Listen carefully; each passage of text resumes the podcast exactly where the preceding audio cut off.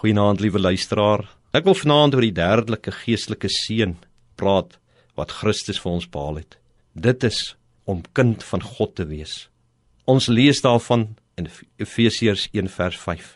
Ons leef elke dag in verskillende verhoudings.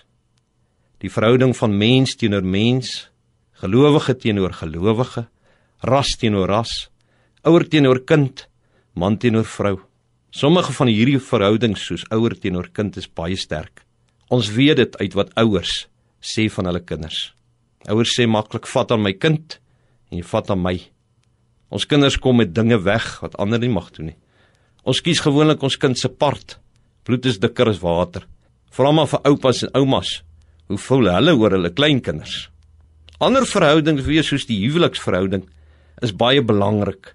Daarom vergelyk hy die huweliksverhouding met die verhouding tussen Christus en sy kerk in Efesiërs 5.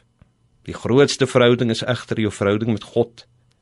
Dit het eienskappe wat geen ander verhouding het nie. Dis 'n verhouding wat tussen 'n mens en sy God, tussen maaksel en maker tot stand kom. 'n Verhouding waarin hy nie meer net God is nie, maar wanneer hy jou Vader word en jy sy kind. Ja, jy kan hom nou Vader noem. So groot is hierdie verhouding dat net God so 'n verhouding tot stand kon bring. Net God kon besluit hoe en deur wie hy jou en my se kinders sal maak. Sy besluit was dat sy seun Jesus sou sterf.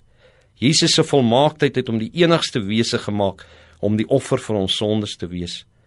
Omdat hy so volmaak was, sou dit 'n verskriklike straf wees om hom 'n oortrede te maak, ja om hom sonde te maak. So straf was genoegsaam om die sonde wat keer dat jy kind van God word weg te neem. Meer nog, God se plan was dat elkeen wat Jesus aanneem, sy kind word. Soos dit staan in Johannes 1 vers 9. Maar almal wat hom aangeneem het, het hy mag gegee om kinders van God te word.